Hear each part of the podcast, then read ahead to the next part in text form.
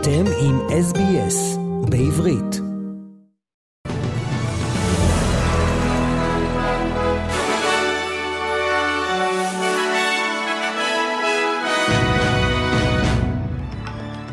SBS והרי עדכון החדשות ליום ראשון ה-24 לדצמבר. והלחימה בישראל, והותר לפרסום שחמישה חיילים נוספים נהרגו בקרבות ברצועת עזה, והודעה נמסרה למשפחותיהם. בתחילת הפעולה הקרקעית בעזה נהרגו 144 לוחמים, ומתחילת המלחמה 477 חללי צה"ל. דובר צה"ל התייחס ללחימה כשאמר שזו מלחמה קשה מול אויב אכזר. הלוחמים שלנו נלחמים באומץ בקרבות עם האויב. ישנם גם הרוגים לכוחותינו. יש הרבה מאוד מחבלים הרוגים בכל יממת לחימה. צריך להגיד את זה, זה חלק מהמלחמה.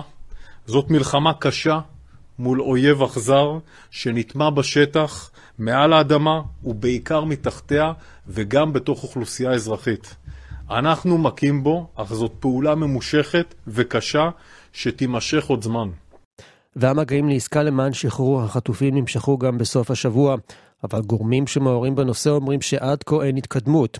ביום שבת בערב שוחח ראש הממשלה בנימין נתניהו עם נשיא ארצות הברית ג'ו ביידן ודן איתו, בין השאר, בעסקת החטופים.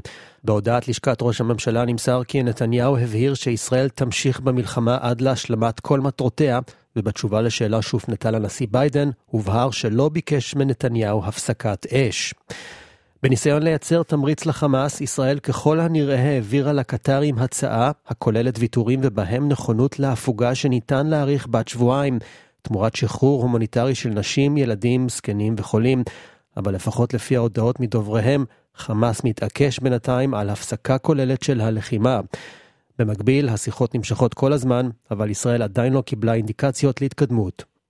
ושר הביטחון יואב גלנט והשר בני גנץ נכנסו ביום שבת לעיירה בית חנון שבצפון הרצועה וקיימו הערכת מצב עם מפקד החטיבה הצפונית באוגדת עזה, אלוף משנה חיים כהן. בהמשך הם שוחחו עם לוחמי הגדוד המילואים במקום, והשר גלנט אמר להם שכל בית שיורים ממנו, בכל מקום שהיה בו טרור, צריך להוריד. עוד הוסיף גלנט שיחי סינואר, שיושב בבונקר, יודע טוב מאוד מה מתרחש מעל האדמה. אני בטוח שסינואר יושב בבונקר שלו ורואה טלוויזיה, אז הוא גם רואה איך נראית בית חנון. מי שנלחם נגד מדינת ישראל ועושה רצח ברוטלי של אזרחים, נשים וילדים, אנחנו מחסלים אותו. ובצפון הארץ ארגון החיזבאללה הודיע על הרוג נוסף משורותיו במסגרת חילופי האש עם צה"ל באזור גבול לבנון. מדובר בהרוג המאה ה-24 של חיזבאללה מתחילת המלחמה. במהלך יום שבת תקפו כוחות צה"ל בירי ארטילרי מספר מרחבים בלבנון.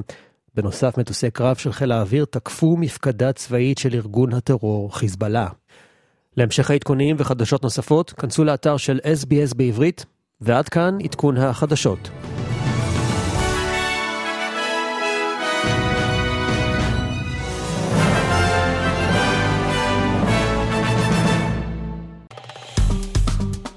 עקבו אחרינו והפיצו אותנו דרך דף הפייסבוק שלנו.